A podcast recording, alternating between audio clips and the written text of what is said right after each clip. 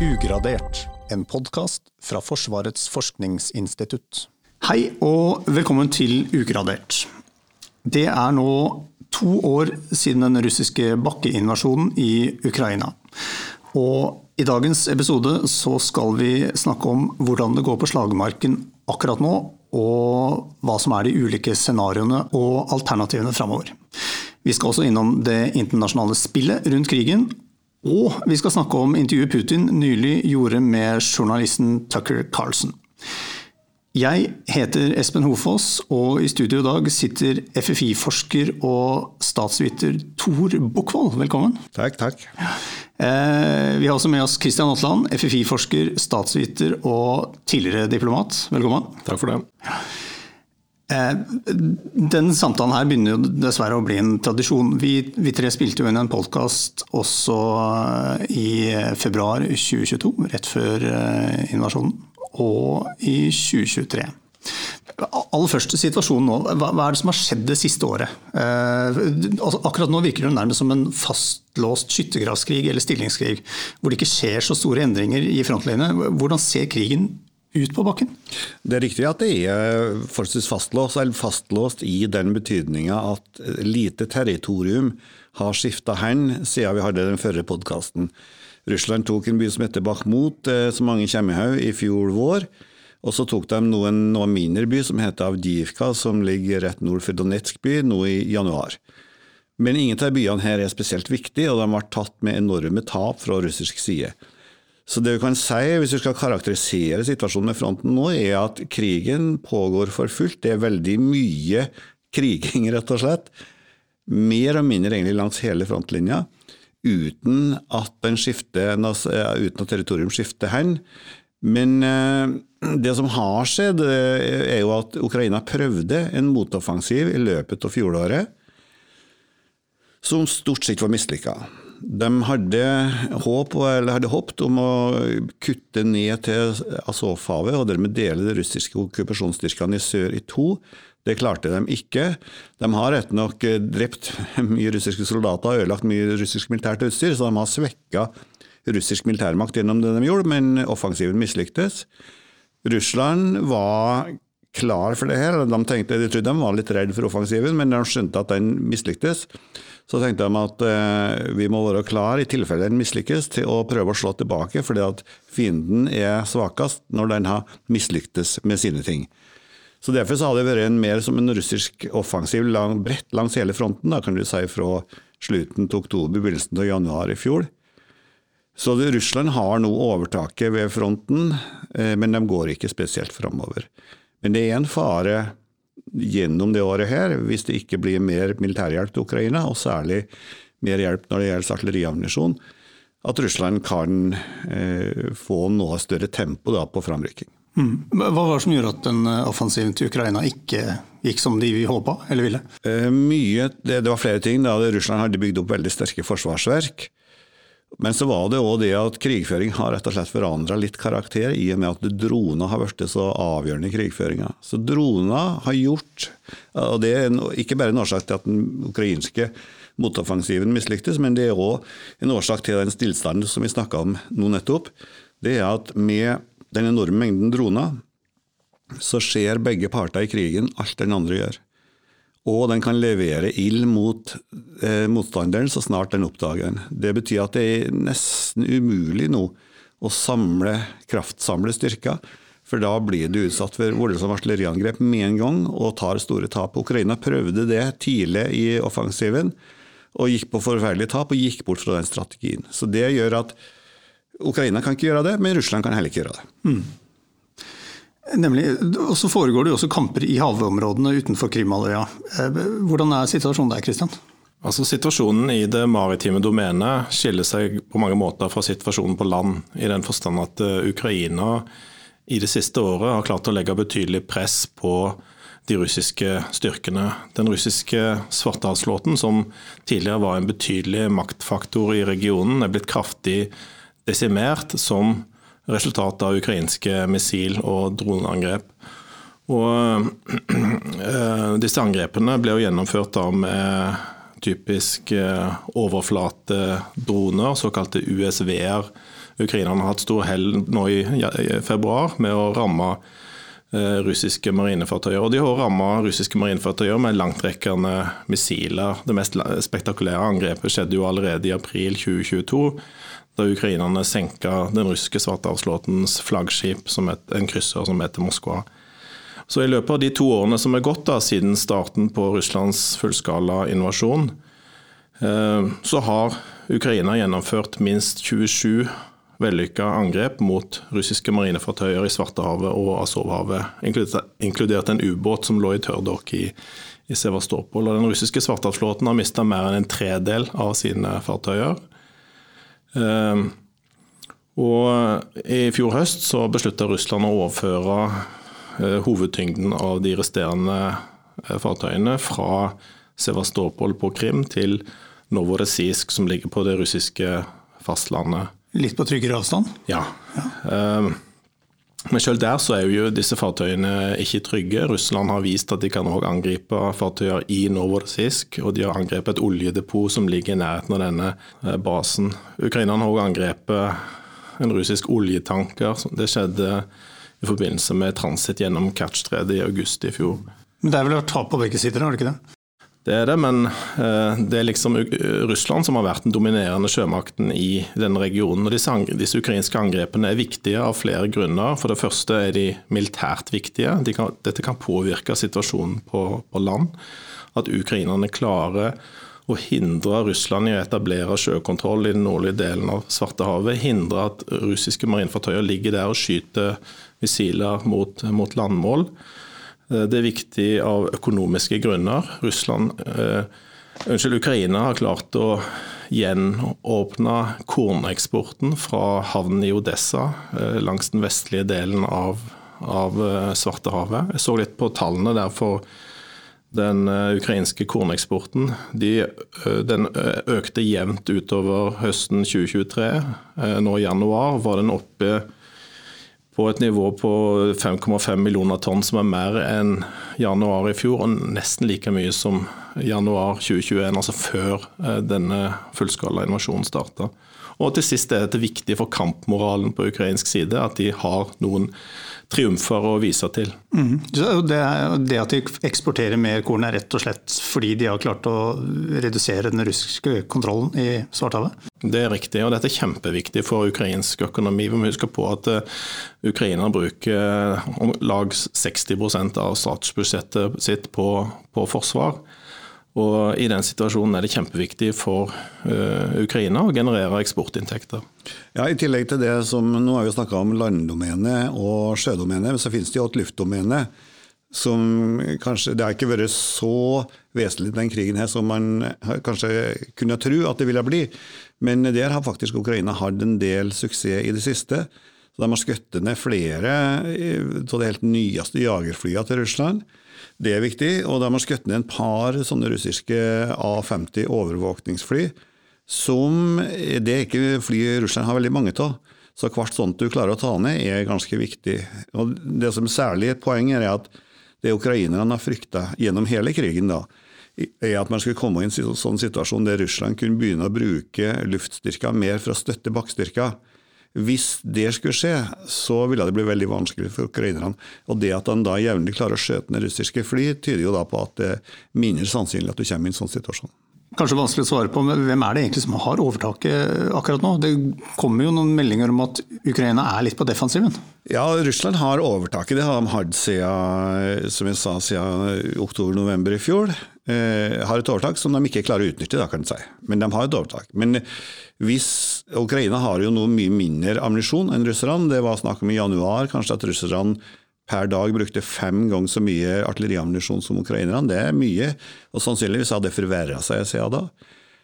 Det her kunne vært litt annerledes hvis den amerikanske militærhjelpa har fortsatt sånn som eh, det var planer om, men det har det stoppa opp, som vi vet. Eh, nå antagelig i, eh, i såkalte huset. Og Det kan bli et problem utover våren, og, særlig sommeren kanskje. Nå vil det jo på bakken, altså vil vi nå går over i denne gjørmeperioden som vi har snakka om ganske mange ganger i forbindelse med denne krigen. her. Den kommer jo to ganger for året, og den kommer om våren nå. Eh, da er det vanskelig å bevege tunge kjøretøy utenfor asfaltvei, og det vil senke tempoet i krigføringa for begge parter. Så store endringer vil sannsynligvis ikke skje da, men hvis du kommer på sommeren, eh, det blir tørt, du kan bevege deg på nytt overalt, og Ukraina blir svakere og svakere eh, skitt opp mot Russland når det gjelder ammunisjon, særlig, særlig artilleriammunisjon, så er det skummelt. Mm. Men hvis USA blir enig med seg selv om fortsatt støtte, altså det skjer jo ikke på dagen det heller, det tar jo litt tid å få ting over? Ja, det gjør det. Nå er det klart at Ammunisjon, hvis den er ferdig, du kan befrakte fra lagra, så tar det ikke så lang tid. Det er ikke noen som skal trenes opp på det og sånn, men eh, ja, det er det går bestandig noe tid fra vedtaket blir fatta til det faktisk virker ved fronten, det er riktig. Mm. Nå er det sånn at Russland kontrollerer ca. 18% av det som var ukrainsk territorium før invasjonen. Hva er det som skjer i disse områdene? Kristian? Altså Det som skjer i de russisk kontrollerte delene av Ukraina, er kort fortalt en aggressiv russifiseringspolitikk og en like aggressiv politikk for deukrainisering, hvis vi kan bruke det uttrykket. Som vi var inne på i podkasten eh, for et år siden, så annonserte Russland 30.9.2022 eh, at de hadde innlemma fire ukrainske fylker i den russiske føderasjonen. Og Disse ligger øst og sør i Ukraina. Hvis vi går fra øst mot vest og sør, så dreier det seg om fylkene Luhansk, Donetsk, Zaporizjzja og Kherson. I tillegg har Krim eh, som kjent vært under russisk kontroll siden mars 2014. Eh, Når det gjelder de fire fylkene som vi nettopp nevnte, så er det ikke sånn at hele disse fylkene er under russisk kontroll. Ukraina kontrollerer fortsatt store deler av disse fylkene. Det gjelder bl.a. mer enn en fjerdedel av Kherson-fylket som ligger nord for, for, Krim. Og Denne såkalte anneksjonen er uansett uh, ugyldig i henhold til, til, folkeretten, og den kommer aldri til å bli internasjonalt anerkjent. Men Russland har som du nevnte, militær kontroll over ca. 18% av Ukrainas landterritorium, og Russland ønsker å uh, ekspandere videre dersom muligheten byr seg. Samtidig så ønsker Russland å konsolidere kontrollen over områdene som de allerede eh, kontrollerer, og gjøre disse områdene til en integrert del av Russland, økonomisk, eh, politisk, eh, kulturelt og, på andre måter. Og Metodene som Russland bruker for å, for å, oppnå dette, er jo sammensatte. Man har f.eks. innført rubel som pengeenhet. Man eh, har gjort det slik at for å åpne bankkonto, motta sosiale ytelser eller starte en business, så må man ha russisk pass. Eh, skolevesenet i de okkuperte områdene preges av en eh, ganske intens eh, russifiseringspolitikk. Ukrainske læreplaner er blitt erstatta av russiske, og det russiske kan si, historiesynet eh, pushes da på alle nivåer, fra barnehage til, til universitet. Og Mediebildet preges òg av utbredt eh, propaganda, indoktrinering og sensur osv. Språklig sett så er jo majoriteten av de som bor der, snakker allerede russisk, eller er det det er nok et flertall av russisktalende i områdene som i dag er eh, okkupert av Russland. Nå kan man ikke nødvendigvis sette likhetstegn mellom hva slags språk folk har, og hva slags politisk lojalitet eh, folk har da. Eh, men det er klart Russ Russland prøver å fremme russisk språk og redusere bruken av ukrainsk språk i de okkuperte områdene. Når det gjelder menneskerettighetssituasjonen i disse områdene, så er den under enhver kritikk.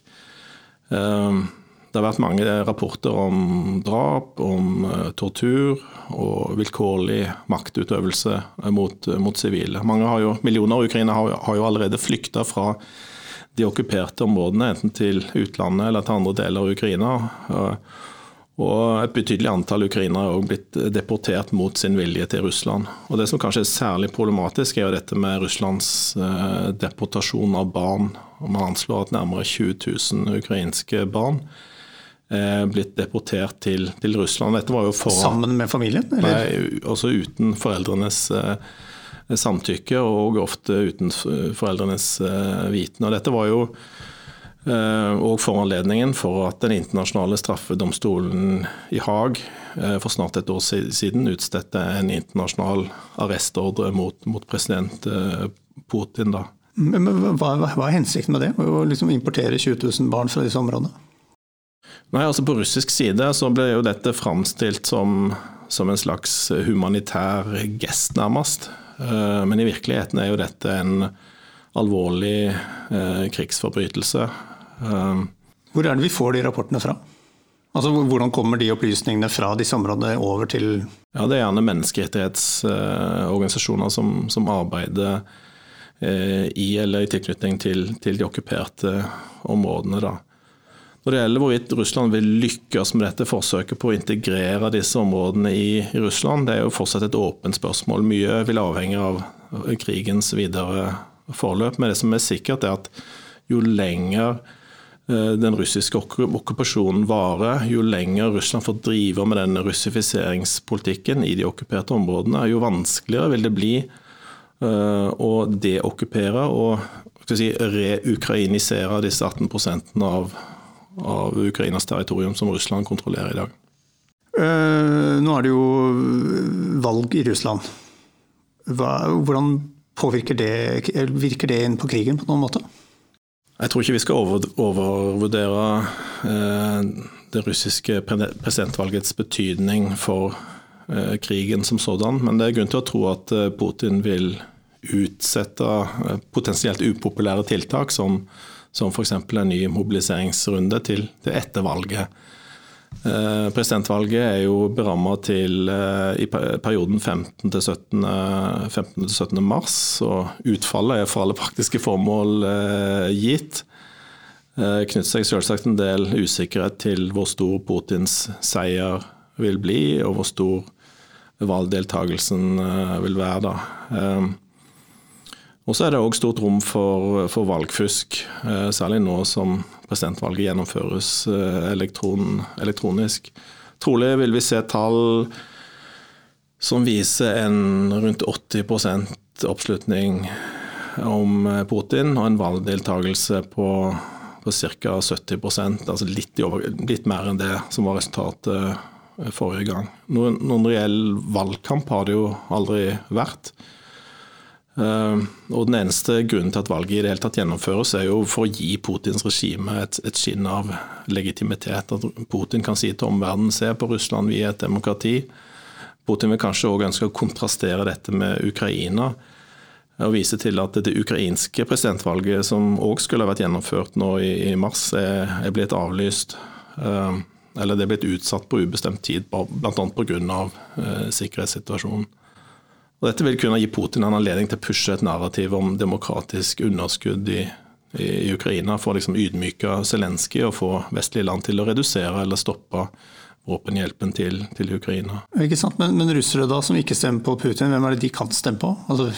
Ja, Det er noen eh, kandidater som eh, er der bare for at det skal bli et valg, men ingen av disse kandidatene har noen ambisjoner om å, å vinne. Vi husker jo den historien med Boris Nadjesjtin. Eh, en eneste blant kandidatene som, eh, som har vist seg som en krigsmotstander. Han, eh, han fikk jo aldri stille til valg, for disse underskriftene som var blitt samla inn, ble, ble underkjent. da.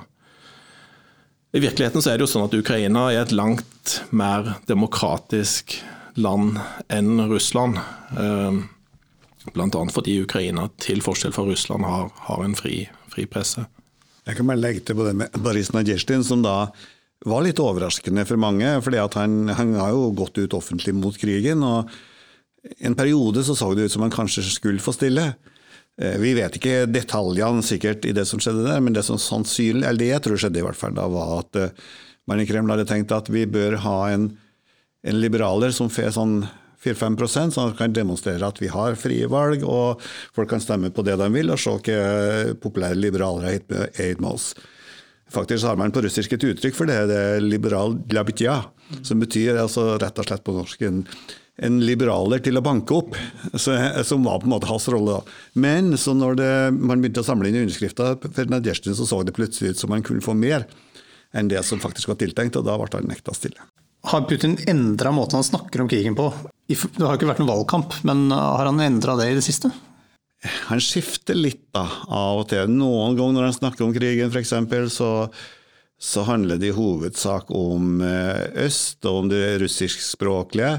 Andre ganger så handler det om at hele eh, Kiev er en russisk eh, by, og, og, ideen om Ukraina er noe tull. og Av og til så har han vil snakke, eller i hvert fall folk fra kretsen rundt han har snakka om at vi må ha kontroll over alt, bortsett kanskje fra Vest-Ukraina. Det kan gå, det, De kan få frihet, eller polakkene kan ta dem, eller noe sånt. Men nå eh, nylig, om det, det var vel det intervjuet med Tucker Carlsen, faktisk, tror så snakka han om at Lviv egentlig burde tilhøre Russland. Så det, det store narrativet endrer seg ikke vesentlig, men detaljene kan skifte litt frem og tilbake. Mm. Vi skal litt innom dette narrativet etterpå, men, men eh, Putin drar jo på årene, han også. Eh, og det er gjentagende rykter om sykdom. Men finnes det noen, eh, finnes det noen reell arvtaker etter Putin? Ja, det gjorde jo det, da. Hit, inntil nylig. Og det var Navalnyj. Altså, det spørs hva du mener med, med reell, da. For han kunne ha blitt en president. Han var en politiker, han kunne ha ledet Russland. Men han hadde jo altså Selv med frie valg så ville han nok ikke har nok støtte til å vinne med en gang. Men hvis du har både frie valg og fri presse og en reell valgkamp, som Kristian var inne på, at vi ikke har, så kunne det ha vært en forandring. Nå må man bygge opp noe annet når, når Navalnyj er borte. Så, så, så, det finnes ikke en eh, Men internt i Putins system, eh, har han pekt seg ut noen Nei. Det er, det, skum, det er, et problem for alle autoritære regimer at eh, du bør gjøre det. Eh, fordi alle vet at du på et eller annet tidspunkt må gå. og Da bør du helst ta en som du vet er lojal, som tar over. Men hvis du utpeker arvtakeren for tidlig, så kan han få ambisjoner om å ta over før du hadde tenkt at han skulle gjøre det. Og da blir han ikke nødvendigvis eh, lojal. Derfor er det ganske sånn eh, kinkig timingspørsmål for autoritære ledere når man skal begynne å, å utpeke arvtakere. Eh, det er jo ikke bare i Russland det er valg. Eh, støtten til Ukraina er omstridt i USA, kan det virke som. Altså, men hva, hva kan skje med krigen dersom Trump blir valgt? Det er nok riktig å si at utfallet av det amerikanske presidentvalget vil få større konsekvenser for krigen i Ukraina enn utfallet av det russiske, som for alle praktiske formål var gitt på forhånd.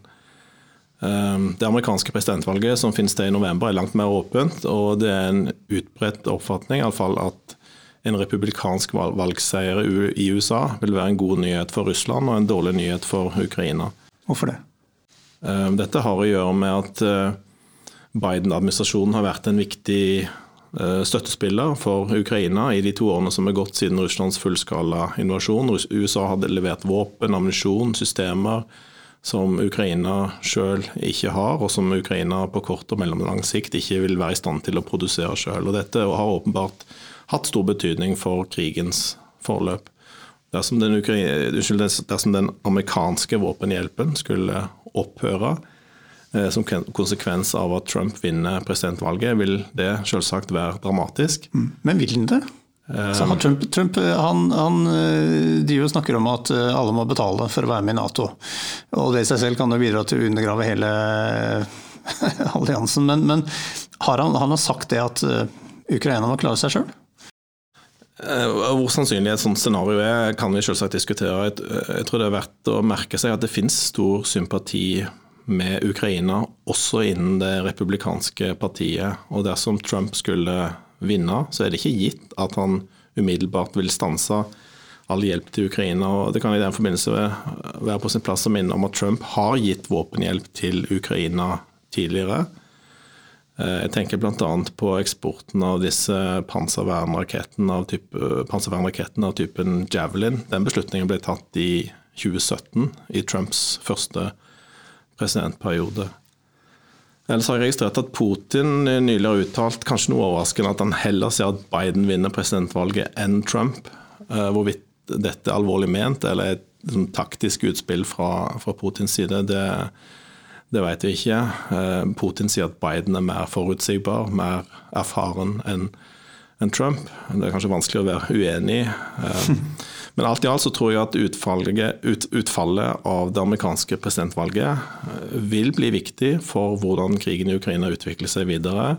Men jeg tror ikke nødvendigvis at Ukrainas framtid som selvstendig og uavhengig stat står og faller med at Joe Biden gjenvelges, gjenvelges som, som, amerikansk president. Mm. Trump han eh, sier mye forskjellig, men han har vel bl.a. også sagt at han kunne stoppe krigen på to dager. Hvordan skulle han klare det? Det tror jeg de fleste er enige om at det er umulig. Nemlig. Um, det er jo nå eh, har jo dukket opp flere kriger, holdt jeg på å si. Eh, krigen i Gaza, eh, eller på Gazastripen, hvilke konsekvenser har den fått for det som skjer i Ukraina? Ja, krigen i Gaza har bidratt til å trekke verdenssamfunnets fokus og oppmerksomhet eh, noe bort fra Russlands krig i Ukraina, noe som selvsagt er uheldig for Ukraina. Eh, medienes båndbredde er mer eller mindre konstant, og når det skrives mer om Gaza, så skrives det mindre om, om Ukraina. Eh, jeg og Tor har faktisk merka en liten nedgang i mediepågangen nå i høst. Sannsynligvis fordi norske aviser, radio, TV bruker mer tid og ressurser på, på Midtøsten. Gaza-krigen er jo en forferdelig eh, konflikt mellom to parter, Israel og Hamas. Eh, men den, denne konflikten har et bredt spekter av det vi kan kalle for andre- og tredjeordens eh, effekter. Den påvirker land og, og mellomstatlige relasjoner langt utenfor for, uh, regionen.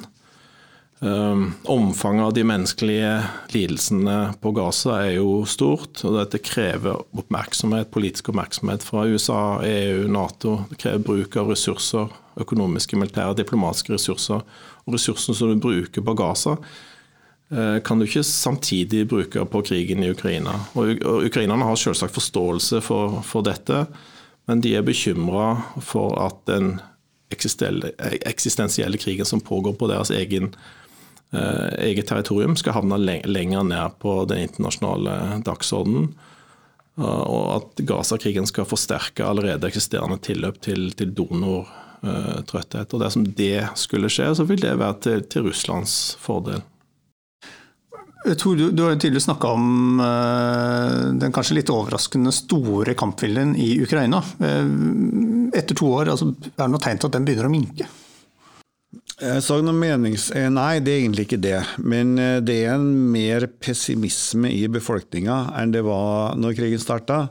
Det kom noen meningsmålingstall nå før januar som tyda på at januar nå i år, altså 2024, er det første tidspunktet der antallet ukrainere som mener at landet går i feil retning, overstiger dem som mener at det går i riktig retning. For så vidt en vesentlig endring. Samtidig så var det samme da respondentene spurte om eh, hva de mente om muligheten for å vinne fram i krigen. altså at, eh, at eh, De var ikke definert hva som var seier, da, men i, i praksis kaste ut Russland. Og da var det fremdeles over 80% som, som sa at de, de, trodde at det kom til å gå bra. Så kan det hende at det her har med, litt med patriotisme å gjøre, at du vil si det sjøl om du innerst inne tviler på det. Men jeg, jeg tror jeg tror i hvert fall ikke at viljen til å Altså, motviljen mot Russland har jo bare økt. Så i den grad kampviljen måtte ha senka seg noe, så har det kanskje mer med ja, lett å si, Alle ukrainske soldater vet jo det her med manglende amerikansk våpenhjelp. Hvis, det kan være mange som tenker at Gi meg det våpenet jeg trenger, så er jeg mer enn villig til å slåss for landet. Men hvis jeg ikke har dem engang, så går det litt utover kampfilmen. Så kanskje mer på det viset, da. Mm. Men Dere følger jo krigen tett. Har dere opplevd noen endringer de siste årene med tanke på type informasjon, altså, og hva slags informasjon, eller hvor det er mulig å få tak i informasjon? Det er I hvert fall jeg bruker stort sett de kildene jeg har brukt gjennom hele Det har nok dukka opp noen etter hvert, og noen har blitt borte. Det som er litt spesielt med denne krigen, her, er at eh, ja, altså På ukrainsk side så, så, finnes det ganske mye åpne kilder du kan bruke. Men samtidig så er jo Ukraina en, en part i krigen, så man må være ganske så forsiktig På russisk side så finnes det nesten ingen åpne kilder som er, som er, lokalisert i Russland, men en stor del av det eh, russiske presseapparatet har jo flytta utenlands. Har fremdeles kontakter tilbake i Russland og kan komme med en del informasjon. Men det som kanskje er eh, skillende krigen her fra, fra, noen andre, er at det er en enorm mengde informasjon fra det folk har filma på bakken. Og det samles nå opp til ganske proffe folk i i større kvanta, da, sånn at du kan på en måte beregne eh, hvordan krigen går ut fra alle, alle de videoene og alle de meldingene som, som samles opp i, i type sosiale medier. Så det er, og det er noe Russland ikke har i hvert fall ikke klart å kontrollere i noe særlig grad. og Der kommer det mye, og der kan man finne informasjon som er så noenlunde objektiv, tror jeg. Nemlig, for det er jo veldig mye, veldig mye, informasjon. Veldig mange varianter av sannheten. Og Det foregår en kamp om sannheten parallelt med disse kampene på, på bakken. Og, og da, da, vår forskningsdirektør Espen Skjelland la fram forsvarsanalysen forrige uke, så sa han at det finnes utrolig mye informasjon fra Ukraina, men lite fakta. Hvordan kan vi stole på det vi hører? Nei, det, Egentlig så er det tilbake til de gamle metodene sånn som eh, samfunnsvitere har drevet på generelt. Du, du, må stille deg kritisk til kildene, du må tenke ikke efter noe uh, nytte har den kilden til å, uh, til å, komme med den typen opplysning. Og så må du bruke flere kilder i den grad det er mulig, da, for samme fenomen. Triangulering er noe vi lærte både Kristian og vi i starten på statsvitenskap. Eh, det er ikke bestandig det er mulig. Altså, triangulering betyr at du bruker at du får tre uavhengige kilder for samme opplysning. Da. Men av og til så, så går det. Så det, sånn sett er det på en måte det gamle. Det jeg kan si i tillegg, er at vi har jo drevet på med det her veldig lenge, og lenge før den krigen her starta. Så du opparbeider jo en erfaring eh, både om forskjellige typer medier, men også forskjellige typer journalister, forskjellige typer kommentatorer. Så det hjelper da å ha holdt på med det veldig lenge for å kunne gjøre vurderinger om hvem man skal stole på og ikke. Det å finne ut hva som er fakta og hva som er propaganda, det kan være en krevende og uh, tidkrevende oppgave. Generelt vil jeg si at uh, informasjonen som kommer fra ukrainske kilder, er langt mer pålitelig enn informasjonen som kommer fra russiske kilder. Det som kommer fra russiske kilder, er i beste fall sann, halvsannheter, og i aller fleste tilfeller ren løgn.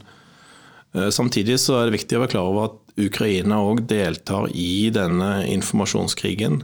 Ukraina kan ha en egeninteresse i å tone ned egne tilbakeslag eller blåse opp motstanderens eh, tapstall. Så vi må forholde oss kritisk og nøktern til all informasjon som kommer direkte fra, fra de krigførende partene. Som Tor nevnte, så henter vi informasjon fra et bredt spekter av kilder. Det være seg nyhetsmedier, sosiale medier, podkaster, bøker, forskningstidsskrifter. Og ikke minst rapporter fra ukrainske og vestlige tenketanker som, som følger konflikten enda tettere enn det, enn, de, enn det, vi gjør. Hvis jeg skulle trekke fram to kilder som jeg tror kan være nyttige for folk flest, så vil jeg nevne den daglige Ukraina-podkasten til redaksjonen i avisen The Telegraph som heter Ukraine the Latest og disse oversiktsrapportene som kommer fra amerikanske ISW, som står for Institute for the Study of War. Ja. Blir dere eh, som forskere beskyldt for å være en del av eh, informasjonskampanjer? Og, altså, hvordan forholder dere dere til det? Ja, det skjer. Uh, er jeg, ikke, jeg, personlig er jeg ikke fryktelig aktiv i, i sosiale, sosiale, medier. Jeg har en Facebook-konto og jeg får en del kjeft der av og til. Eh, og det er vel stort sett, Av og til så kommer det e-poster om hvilken idiot jeg er. Men uh, jeg, jeg tenker vi, vi, vi, lever i et fritt land der man har lov til å si hva man vil. Så det, det plager meg ikke at folk mener at jeg er en del av den ene sida sin propaganda. Jeg,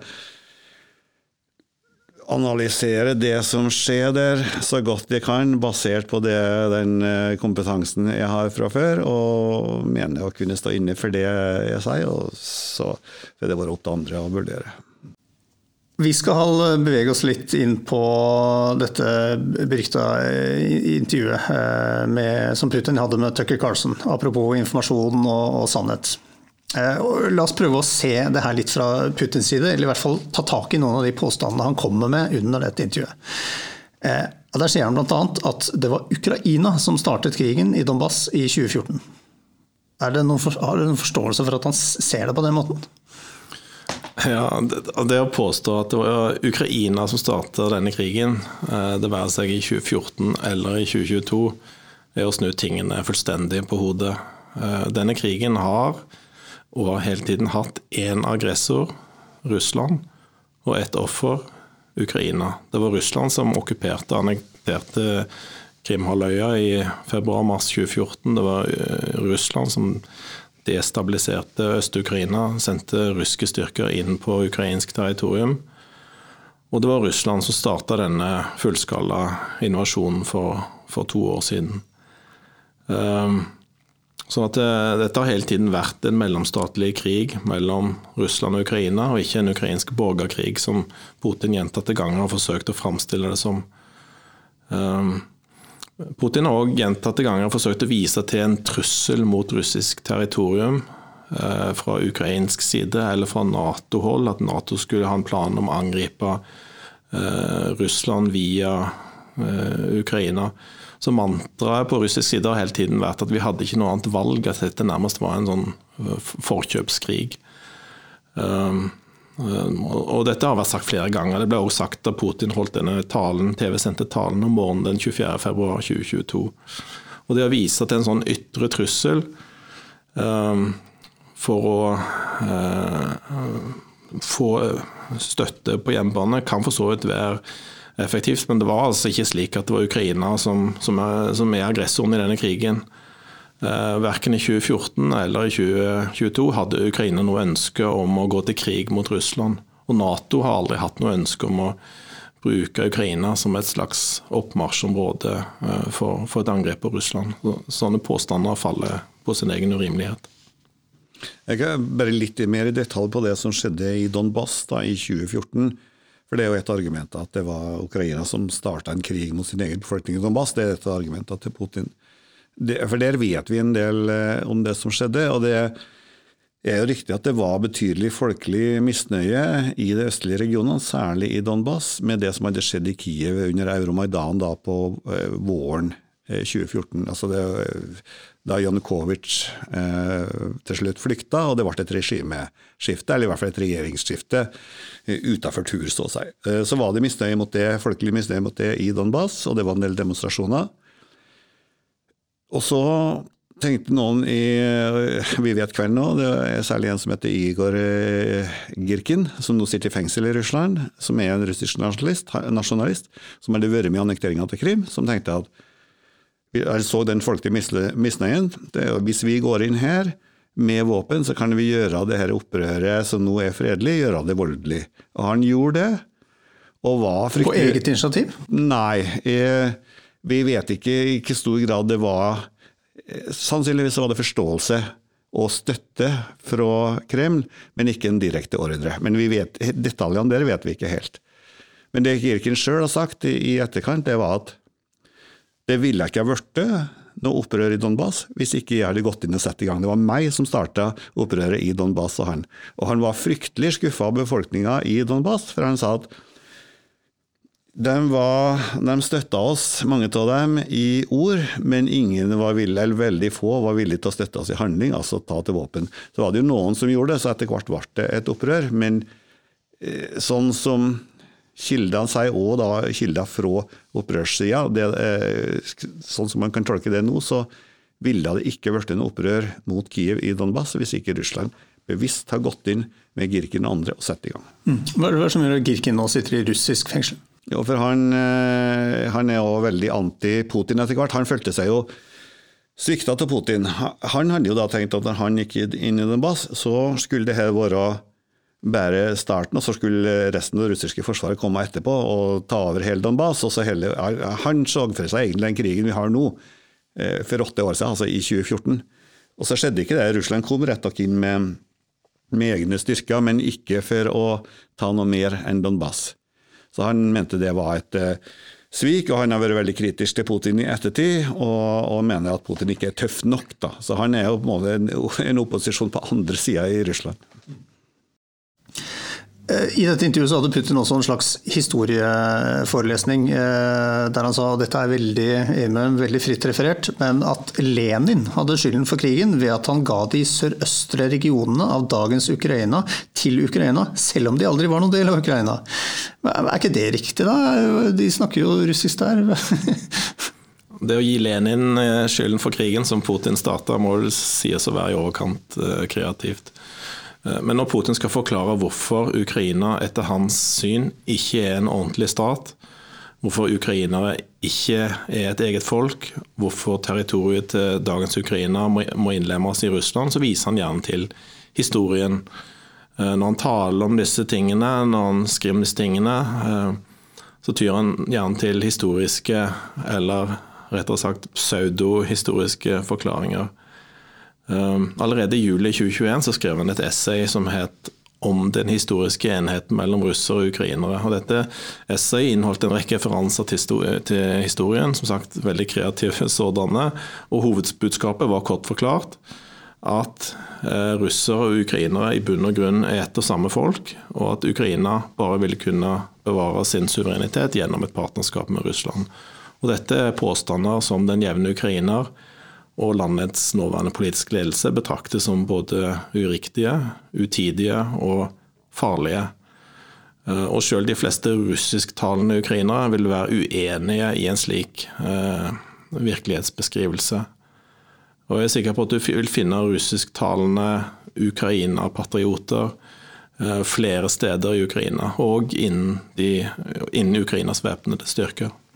Men Man påstår også at dette med at Ukraina er et, en, konstruksjon som ble til eh, da Sovjetunionen eh, ble dannet. Eh, så skapte bolsjevikene et Sovjet-Ukraina som til da ikke hadde eksistert. Ja, Dette er en velkjent påstand fra russisk side, men det er ikke nødvendigvis riktig. De fleste ukrainere vil mene at dagens Ukraina kan føre sin, sine røtter tilbake til det såkalte Kiev-riket eller Kiev-Russ, som ofte feilaktig blir oversatt med Kiev Russland. Kiev-Russ ble etablert på 800-tallet og hadde sin storhetstid på 900- og 1000-tallet. Og rundt omkring i Kiev i dag så vil du finne statuer av Kiev-rikets herskere. Eh, Volodymyr den store, Jaroslav den vise osv.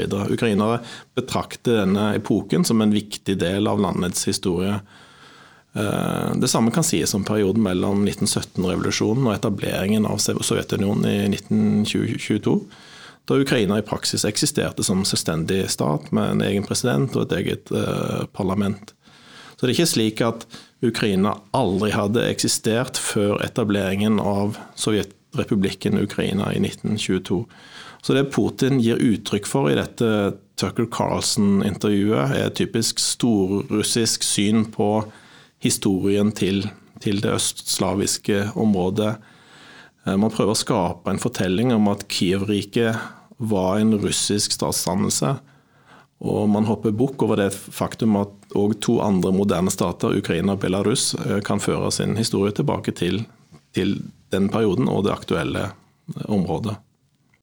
Mm. Den her nazikoblingen som, som, russerne snakker om, at de skal denazifisere Ukraina. Eh, for oss er jo det kanskje et litt sånn merkelig narrativ. Eh, men, men i, i, dette intervjuet så tok han opp den tråden igjen og påstod at Ukraina har bygget en nasjonal identitet på falske helter som samarbeider med Hitler. Altså, har det noe rot i virkeligheten? Altså, hvem er de heltene? Nei, det, sist, sist, eh, det siktes nok mye her til Stepan Bandera som var en uh, ukrainsk militærleder før og under andre verdenskrig, som ønska et, uh, et Ukraina uavhengig fra Sovjetunionen. Uh, Dette var jo tilfellet for flere folk i Øst-Europa da Nazi-Tyskland vokste frem, at de så på Nazi-Tyskland som kanskje en mulig samarbeidspartner for å få frigjort sine egne områder. Og Det tenkte Bandera i utgangspunktet. også. da den tyske det tyske angrepet på Sovjetunionen kom, så var han villig til å stille med styrker eh, sammen med tyskerne. og Han trodde at han hadde fått en slags sånn avtale med tyskerne om at eh, de skulle hjelpe til at Ukraina ble et eh, selvstendig land. Så skjønte han veldig fort at det var ikke det tyskerne hadde tenkt. De, skulle, de tok gjerne imot hjelp, men de hadde ikke tenkt å gi noe tilbake. Så han endte jo opp da med å slåss både mot de tyske styrkene og mot sovjetstyrkene mer eller mindre samtidig og endte til slutt opp i tysk eh, konsentrasjonsleir, rett nok med noe bedre uh, noe bedre forhold enn, enn mange av de tyske konsentrasjonsleirene, visstnok. Så det Ja, det, det, jeg tror det er mye det han siktet til. Når det gjelder heltene Bantera har jo en viss sånn standing i Ukraina i dag. Da. Men ellers er det her eh, narrativen om at Ukraina skulle være styrt av nazister, selvfølgelig, det, altså, det kan man si det er rene vrøvl. Og dem som er i ledelsen i Kiev i dag, sånn som Zelenskyj og mange av andre, er jo folk som har Zelenskyj f.eks. har jo underholdt den russiske eliten gjennom store deler av 2000-tallet. Han bodde i Moskva i var åtte år, tror jeg og drev med i, i, innenfor underholdningsbransjen. Det, altså, de ukrainske lederne som nå blir kalt nazister av Kreml, er folk som Kreml har kjent gjennom hele 2000-tallet, og som de ikke aldri har hevda det her om før. og I tillegg så vet vi jo da, som er kjent, at uh, Zelenskyj sjøl er jøde. Hans familie ble eh, sendt til konsentrasjonsleirer under krigen. Det, det jødiske Herkomsten betyr ganske mye for han. Så det, det som finnes, det, det, jo, det finnes jo høyreekstreme, det finnes nynazister i Ukraina, sånn som det gjør i alle andre land, inklusive vårt eget. Og den denne Azov-bevegelsen, som har vært ganske viktig i den ukrainske krigføringa, selv om de ikke er kjempemange, så har de vært viktig. De hadde et ganske høyreekstremt utgangspunkt, eh, og så ble det vatna ut etter hvert. da. Mm. Putin hevder jo også at uh, Ukraina ikke, noe, ikke, har noen nasjonal identitet. Uh, om de ikke hadde det før, så har vel Putin ettertrykkelig bidratt til å gi dem noe å samles om? Ja, det, det, er jo helt riktig. Det var jo tilfellet før den store krigen starta òg. Uh, Samlinga om det ukrainske nasjonale starta lenge før der. Eh, og den, den ville, tror jeg, ha fortsatt i et så å si naturlig tempo òg, selv om Russland ikke har brukt militærmakt mot Ukraina i hovedsak. Men når da Putin valgte å bruke militærmakt, så har de jo fått en, en veldig fortgang. Da. Så jeg kan bare ta et eksempel som jeg nylig hørte. Om en eldre dame som var oppvoksen i en landsby ved Kharkiv, altså helt omtrent på den russiske grensa. Snakka russisk hele sitt liv eh, være skeptisk til myndighetene i Kiev, som førte en, annen, en politikk som myndighetene i Moskva ikke likte. Så kom krigen, så drepte russiske soldater hennes barnebarn. Og i en alder til 82 så begynte hun da å lære seg ukrainsk. Og sånne, sånne, altså Det vil være tusen, hundretusenvis, millioner antagelig, med sånne skjebner. Eh, hvis vi skal se bort fra historie og nasjonal identitet og følelser, og, og se litt på realpolitikk. Eh, Altså, hva er det som driver Russland? Ser de også på det her som en eksistensiell krig? De sier det. Um, om de faktisk gjør det, er litt vanskelig å vite. Um, jeg tviler vel jeg, jeg, tror det er mer instrumentell bruk av det begrepet enn uttrykk eh, for noe reelt. Men de, har jo, de hevder jo nå at de er ikke i krig med Ukraina, de er i krig med Vesten.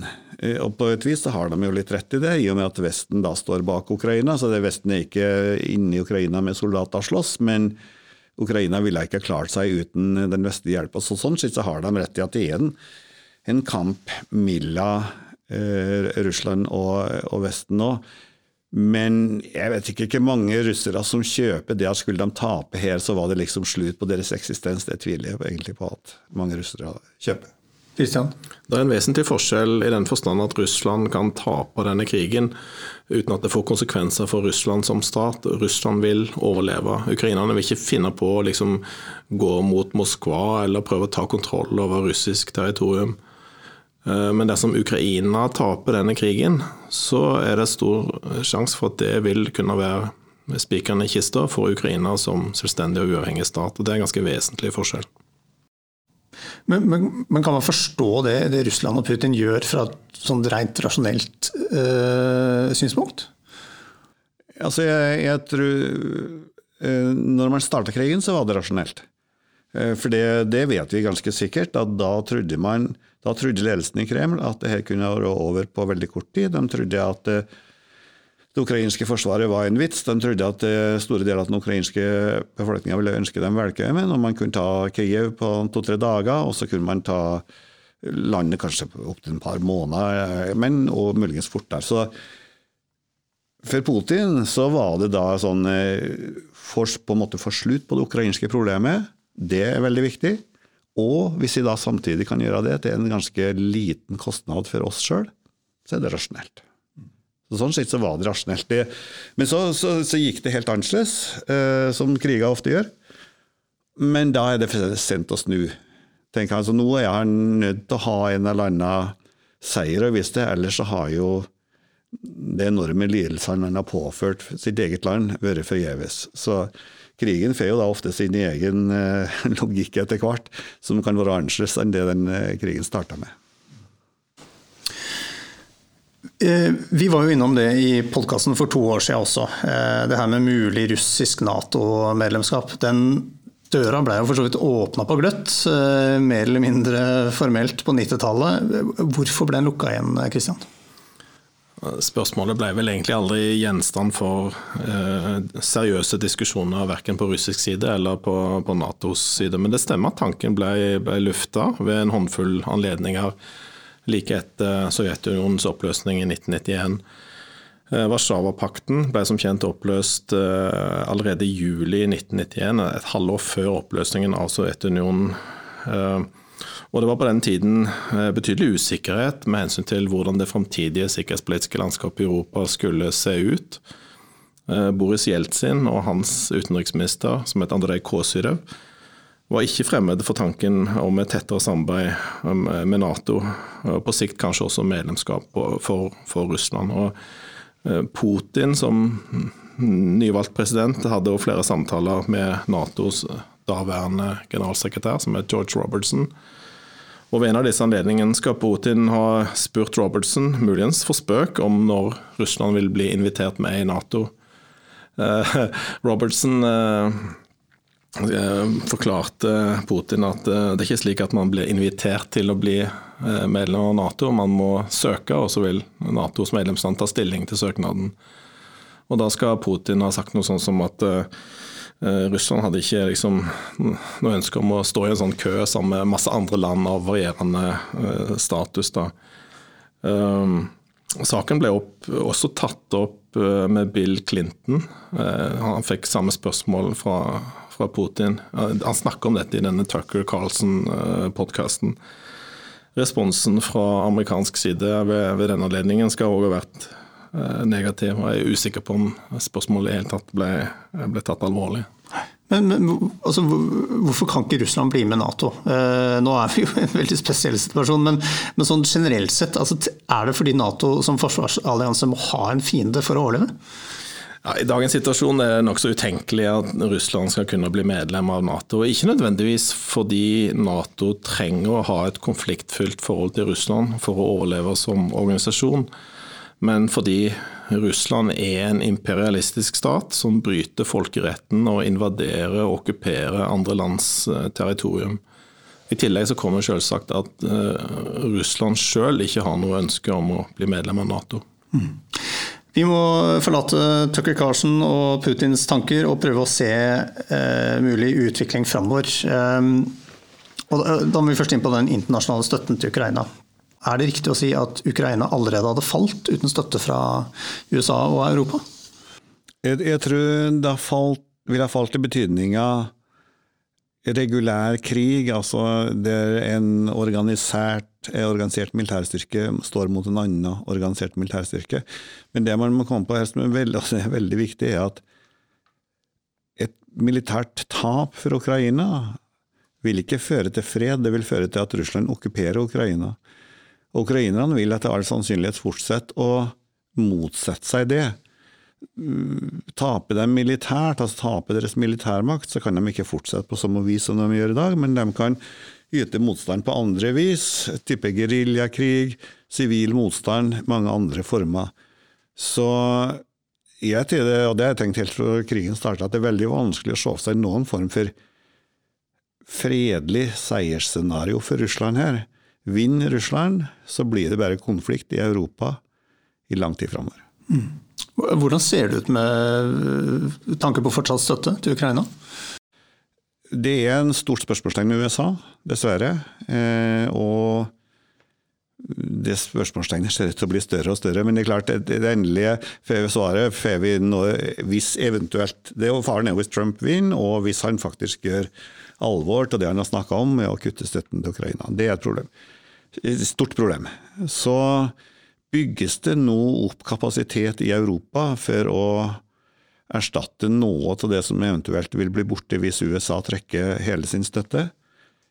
Eh, det vil vel ikke komme altså Det tar tid å bygge opp eh, ammunisjonsfabrikker og sånn, så den støtten vil begynne å gjøre seg gjeldende kanskje på slutten av dette året, så viktigere inn i neste år. Eh, så, så det som flere har påpekt, er at det er, en, det er en skummel periode akkurat i 2024, hvis den amerikanske støtten blir borte og den europeiske ennå ikke har, har, kommet inn, så har russerne en litt sånn gyllen sjanse i 2024. Og så vet vi jo ikke om den Sannsynligvis så vil ikke den europeiske støtten, selv om når den kommer i gang, være stor nok til å fullt ut erstatte den amerikanske. Så men, det her er litt mer spekulativt, men man kan tenke seg at du kommer i en situasjon der Europa klarer å støtte Ukraina, sånn at Ukraina ikke mister mye mer territorium, men heller ikke klarer å ta tilbake noe, f.eks. Det er en mulighet. Mm. Eh, det er mye snakk om Putin og hva slags rolle han spiller, men eh, hva med Zelenskyj? Eh, hvor lenge er det han holder? Ja, han, Nå skal de ikke ha valg, og det kan man jo forstå, for det er vanskelig å arrangere valg når du er i krig. Så da er jo sannsynlig at han, han fortsatt vil så lenge krigen pågår, vil jeg tro. Um, med mindre Russland skulle klare å ta livet av han og sånn, selvfølgelig. Men så er det jo klart at det er en mulighet. Vi vet jo at det er eh, ikke, Kanskje ikke splittelser, men det er uenigheter innad i den uh, ukrainske ledelsen nå. Det var jo det som var årsaken til at uh, generalstabssjefen Zaluzjnyj ble avsatt. Eh, og en, hvis det går dårligere og dårligere i krigen, så er det jo vanskeligere og vanskeligere å holde enhet, sannsynligvis, innad i en sånn ledelse. Men foreløpig så, så, er det ingen tegn på at, at det er alvorlige sprekker, det vil jeg si. Mm. Men Hva var det egentlig som skjedde? 8.2 februar så ble det kjent at Ukraina bytter forsvarssjef. Hva, hvorfor skjedde det, Kristian? Altså, General Valerij Zaluzjnyj, som i de to siste årene nærmest har fått helgenstatus i Ukraina, eh, ble, eh, noe overraskende kanskje, erstatta av sjefen for de ukrainske landstyrkene en general som heter Aleksandr Syrskij. Eh, denne utskiftningen var president Zelenskyjs eh, beslutning, og eh, skjedde ikke som resultat av misnøye med, med Zaluzjnyj innen de væpnede styrkene, snarere tvert imot. General Zaluzjnyj nyter stor respekt innenfor det ukrainske forsvaret og i befolkningen som, som helhet. Altså Hans etterfølger er en litt annen type. Syrskij åtte år eldre enn Zaluzjnyj, som nylig fylte, fylte 50.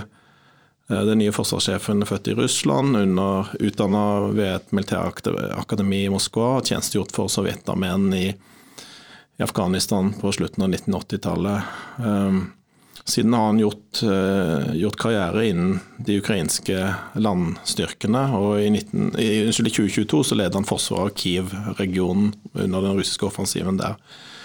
Det at Zelenskyj valgte å bytte forsvarssjef, er blitt tolka av mange som et tegn på splid mellom landets politiske og militære ledelse.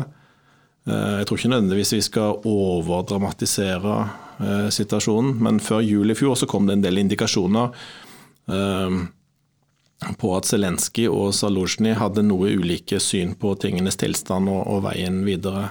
Zaluzjnyj hadde en artikkel i The Economist i begynnelsen av november i fjor. Der han bl.a. brukte dette uttrykket 'positional stalemate' om situasjonen ved fronten, altså en fastlåst situasjon der ingen av partene var i stand til å, et, til å bryte gjennom. Og dette skal ikke ha falt i spesielt god jord hos eh, president Zelenskyj. Men var ikke det en ren beskrivelse av det som skjedde, eller var det sånn han mente at dette burde vi holde fast på? Jo, det var nok en, en, en, riktig og realistisk beskrivelse av det som var og er situasjonen ved frontlinjen. Men det skal ikke ha falt i spesielt god jord hos uh, Zelenskyj. Zaluzjny på sin side skal ha vært frustrert over Zelenskyjs manglende evne og vilje til å gjennomføre en, en ny mobiliseringsrunde. Han har jo bedt om mobilisering av 450 000-500 000 nye, uh, nye soldater. Så, sånne uenigheter kan òg ha vært en faktor i Zelenskyjs beslutning om å bytte uh, forsvarssjef. Eh, Zelenskyj er på mange måter, uh, og i likhet med mange andre, utålmodig. Eh, han ønsker å oppnå en mer dynamisk situasjon ved fronten. Hvorvidt dette byttet av forsvarssjef vil bidra til dette, eller om det var en tabbe, det er fortsatt et åpent spørsmål. Mm. Vi har snakka veldig mye om støtte fra Vesten, men, men hva, altså, hva, slags spillerom har egentlig Ukraina på hjemmebane? Har de noen reserver å ta når det gjelder materiell eller mennesker? Ja, Det finnes et spillerom, eh, men vi skal ikke overvurdere hvor stort det er. Som jeg nevnte i sted, så har ukrainerne lenge jobba med å planlegge en ny mobilisering. Eh, noe som særlig tidligere forsvarssjef eh, var en pådriver for. Som i Russland så vil en slik mobiliseringsbølge neppe være spesielt populær blant de berørte. Bl.a. fordi man vil gå, måtte gå nedover i aldersgruppene Innkalle ungdommer helt nede i 20-årene. Vi må huske på at snittalderen for eh, de ukrainske soldatene ved fronten er veldig høy. Den er over 40 år. Eh, mange av disse soldatene har stor kompetanse, lang erfaring og gjør en god jobb. Eh, men man kan ikke forvente at de skal bli ved fronten da, til, til, evig tid. Samtidig så ønsker Ukrainas politiske myndigheter i den grad det er mulig å skjerme ungdommer som studerer, som har en stor forsørgerbyrde, som jobber i offentlig administrasjon osv.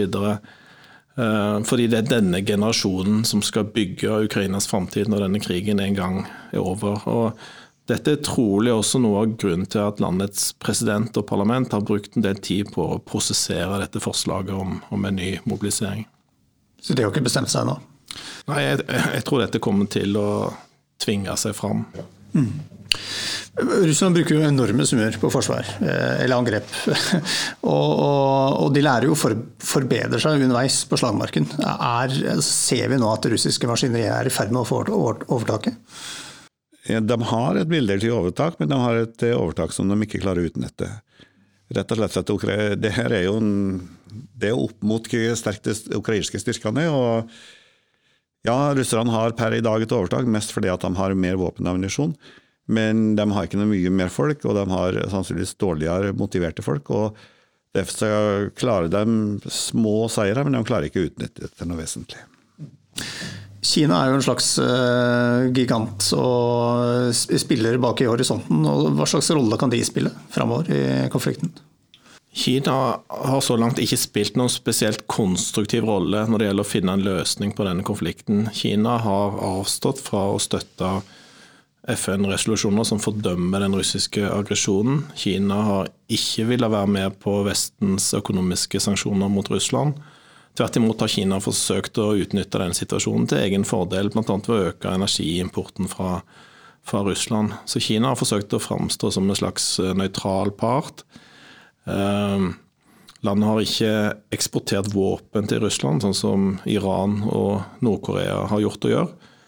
Men landet har trappa opp sin samhandel med Russland og gitt Russland tilgang til komponenter og teknologi som Russland sannsynligvis ikke ville ha fått tilgang til på andre måter. Komponenter som brukes i russiskproduserte våpen på slagmarken i Ukraina. Eh, Kina har lagt seg på en retorikk som ligger ganske tett opp til den russiske, ved å snakke om spesialoperasjonen i Ukraina, situasjonen i Ukraina. Eh, og ved å gjøre seg til talsmann for dialog mellom de krigførende partene.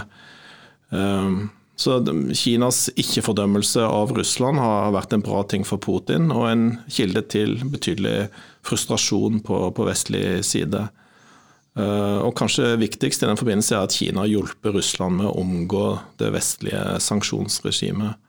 Og Dette er også foranledningen for at EU nå nylig valgte å inkludere både Kina og India på sin eh, seneste sanksjonsliste, som, som ble vedtatt i, i forrige uke.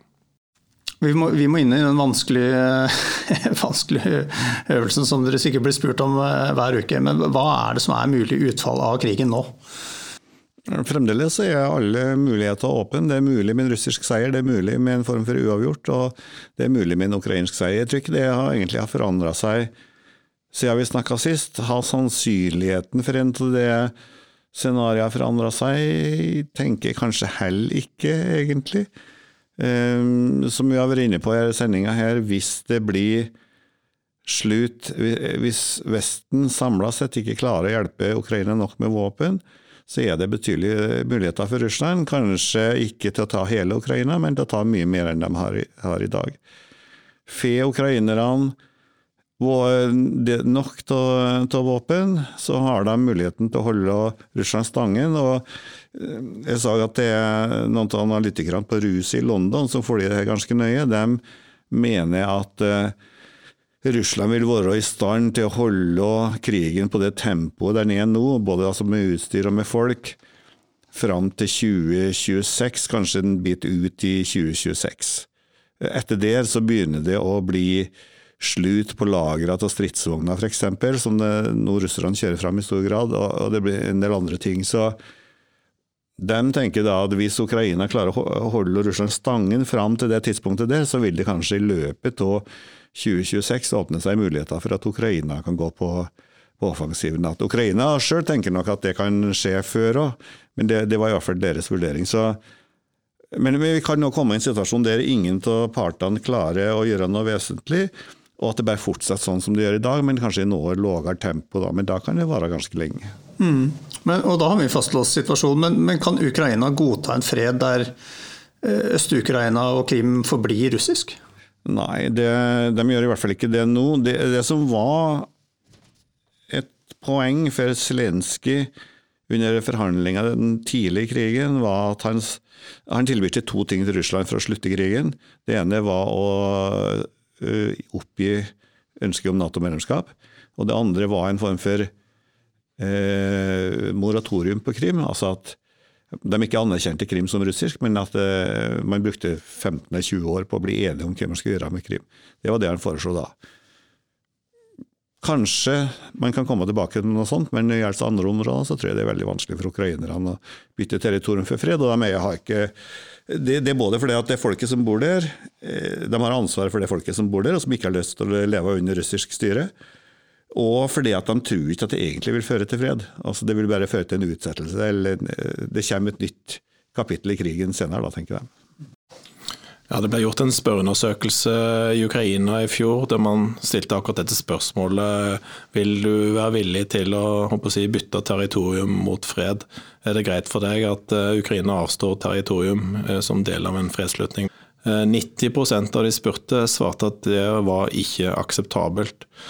Og så var det jeg husker helt tallene, men det var sånn 4-5% som mente at det kunne være en løsning. og Det er en indikasjon på, på stemningen i, i, den ukrainske befolkningen. For det var en undersøkelse som ble gjennomført i det territoriet som fortsatt er ukrainsk? Eh, ja.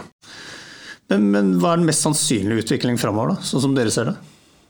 Det spørs ikke langt framover du mener, da, men uh, hvis vi tar et veldig kort perspektiv, ut 2024 så tror jeg mest sannsynlig er at vi Lett å si neste gang vi møtes her, vi forutsetter at vi har en sånn en, så tipper jeg at det er mest sannsynlig at vi er sånn noenlunde på samme plass som vi er nå. Hvor lenge kan denne krigen vare da? Vanskelig å svare på.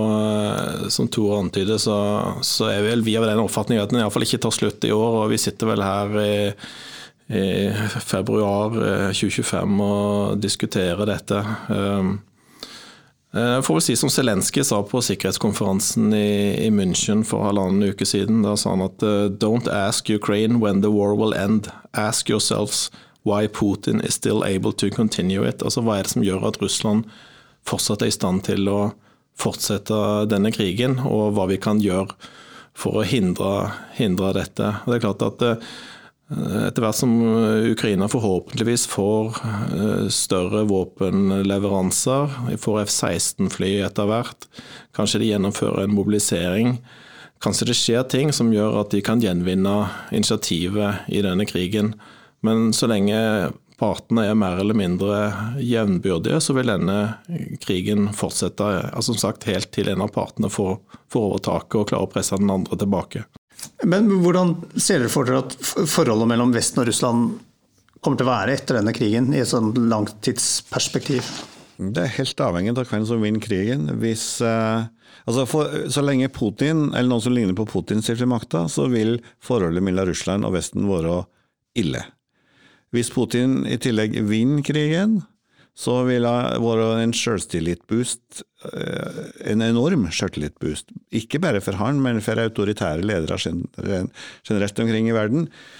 Så er det noen som tenker at da hvis Putin er klar til å ta ett land, så er han sikkert interessert i å ta, eller kan han interessert i å ta flere. Jeg tror ikke at det er veldig stor sjanse, i hvert fall ikke Nato-land. Eh, for det vet han blir å gape over for mye. Men du kan tenke et Russland som da hele tida tester våre grenser, f.eks. mye mer aggressivt Russland, uten at man nødvendigvis går til, til voldsomme angrep. Mm. Vi skal prøve oss på en eh, slags oppsummering her. Eh, først, hva er det som har overraska dere mest etter disse to årene med krig? Altså Krigen er jo blitt omtalt som a war of surprises, altså en, en krig med ganske mange overraskelser. Eh, vi kan jo begynne å nøste litt i dette. her. Det Én ting som slår meg, er hvor utrolig dårlig Russland kjenner sitt naboland. Og hvor, i hvilken grad de har feilvurdert stemningen i Ukraina forut for invasjonen. At de trodde at liksom, Ukraina skulle bare sitte passivt og se på at landet deres ble okkupert. Ehm, det er overraskende at de hadde så dårlig etterretning, da. Ehm, en annen ting som kanskje ikke burde vært overraskende, men det er Russlands vilje til maktbruk. Eh, Russlands vilje til å ta risiko, politisk, økonomisk og militær risiko. Ehm, den er veldig stor. Eh, og Det har jo også Zaluzjny sagt i intervjuer, at det er ting som har overraska han. Han skulle tro at eh, ethvert land som mister liksom 300 000 soldater, skulle liksom oppgi dette prosjektet og strekke hendene i været og si at vi, vi gir oss. Men uh, Russland bare fortsetter å kverne på, ofre flere og flere menneskeliv. Uh, mer og mer uh, materiell. Ukrainas evne til å stå imot i den tidlige fasen av krigen var egentlig veldig overraskende. At de var i stand til å stå imot et land med et forsvarsbudsjett som var ti-tolv ganger så stort som, som Ukrainas. Eh, Vestens samhold er kanskje overraskende at det var så sterkt. Eh, I de første har vært så sterkt som det har vært, iallfall fram til, til nå. Eh, unison oppslutning om, om våpenhjelpen til, til Ukraina.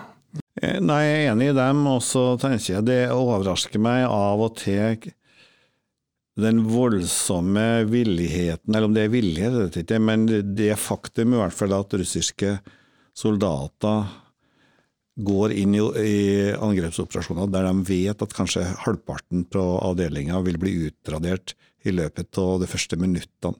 Altså den, At det er mulig å kjøre det som man på russisk kaller kjøttstormer, gang etter gang etter gang. Det er det overrasker meg litt. Selv om jeg vet litt av mekanismene bak, så, jeg er det overraskende. Og så det, Kanskje det andre er mer sånn militærteknisk, og det er ikke en overraskelse, men, men likevel vanskelig å forutse den enorme effekten som droner har på krigføringa. Som har gjort at uh, ja, den stiller spørsmålstegn med en god del av sannhetene innen uh, krigskunsten. Mm.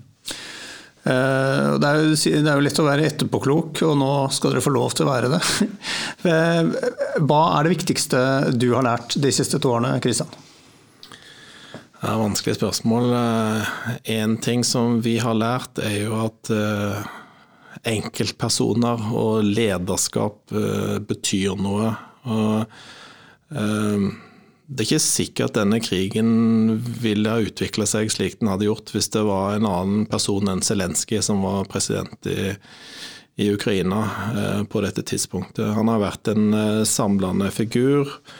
Han har klart å skape samhold på ukrainsk side, både innen befolkningen, innen de væpnede styrkene.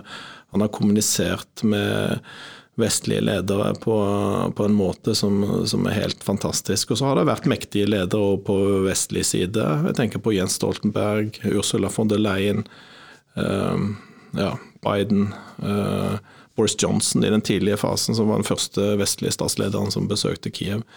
Uh, at de har tatt så klart stilling til, til denne konflikten, har, har, vært viktig. Så det er iallfall en, en lærdom. Tor? Jeg tror kanskje den viktigste lærdommen, om det er min lærdom eller det er noe vi bør tenke på mer generelt, det er um, det her med forsvarsvilje. Det er viktig å vite at Ukraina før 2014, før annekteringen av Krim, var et av de minst forsvarsvillige land i Europa. Uh, jeg var ikke overraska over at ukrainerne ville slåss nå eh, for to år siden, da den utvida krigen starta, men den enorme endringa i forsvarsvilje. Og det har vært mye teorier de siste 10-20 åra om at uh, i moderne samfunn så, så vil ikke befolkninga lenger slåss for landet sitt hvis de uh, blir bedt om det. Det stemmer ikke i tilfellet Ukraina. Og jeg tror ikke det stemmer i tilfellet Norge hvis vi skulle bli angrepet. Jeg tenker at det er noe på en måte litt sånn positivt for oss i dette her. at det, jeg tror noe lignende ville ha skjedd i Norge som det som skjedde i Ukraina. Nemlig. Fordi du, Det vi ser i, i Ukraina i dag er jo forsvarsvilje i praksis, men dere har jo faktisk målt det. Ja, det, det har vi. Og den har jo gått den gikk jo eh, ganske mye opp etter 2014, og så gikk den helt i taket da, selvfølgelig etter invasjonen 24.2.2022. Eh, og så, så, finnes det momenter som man kan studere her. Befolkningsgruppene er litt forskjellige på det, og det er litt forskjellig hva man er villig til å gjøre i tilfelle krig. Men det er ganske imponerende altså, hvordan forsvarsviljen har gjennomsyra det ukrainske samfunnet. Eh, de som vil lese mer om akkurat den undersøkelsen, kan se det på ffi.no. Eh, aller siste spørsmål i dag. Hva må til for at denne krigen skal være over innen ett år? Da må Putin-regimet falle.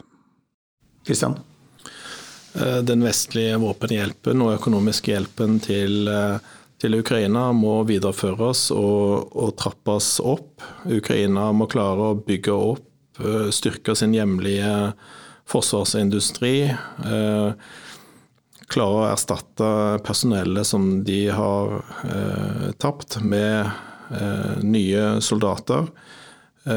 og de må holde korrupsjonen under kontroll. Det siste tror jeg er ganske viktig.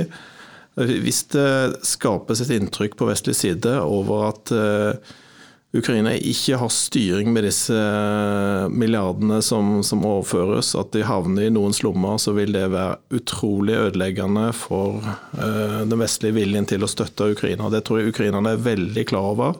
Og det har vært noen tilløp til noen sånne korrupsjonssaker, og det har vært, ukrainerne har vært veldig raske med å rydde opp. Eh, avskjedige folk osv. Så, videre. så det å holde, eh, holde orden i, i, i sysaken, har jeg nærmere sagt. Eh, altså orden i regnskapene, og at vise at man har kontroll på bruken av disse midlene. Det tror jeg er veldig viktig for, for framtiden til den vestlige våpenhjelpen. Vi får jo håpe at vi ikke sitter der i dette studiet om et år og diskuterer enda et nytt år med krig, selv om det kanskje ser sånn ut. Tusen takk for at dere kom, Kristian og Tor. Vi er tilbake med en ny episode neste uke, og da skal det handle om sjette generasjons kampfly. Følg med.